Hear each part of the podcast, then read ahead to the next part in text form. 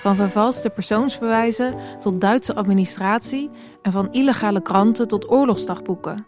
Dagen fietsen om, uh, om aan melk te komen. En daar zijn duizenden verhalen van. Ah jongen, jij hebt bij de boeren gezeten. Die heb je dik volgevreten. Het Utrechts Archief bewaart duizenden archiefstukken uit de Tweede Wereldoorlog. Oh, de militairen zijn binnengekomen. Ik heb niks met de Rooms en ik ben ook niet katholiek. Maar ik ga voor jullie geen joden ophalen. Je luistert naar Utrecht in oorlogstijd. En als die moorden gaan plegen, ja, tientallen studenten worden opgepakt. Dus dan ga je dan nog een moord plegen? Ik ben Meerte.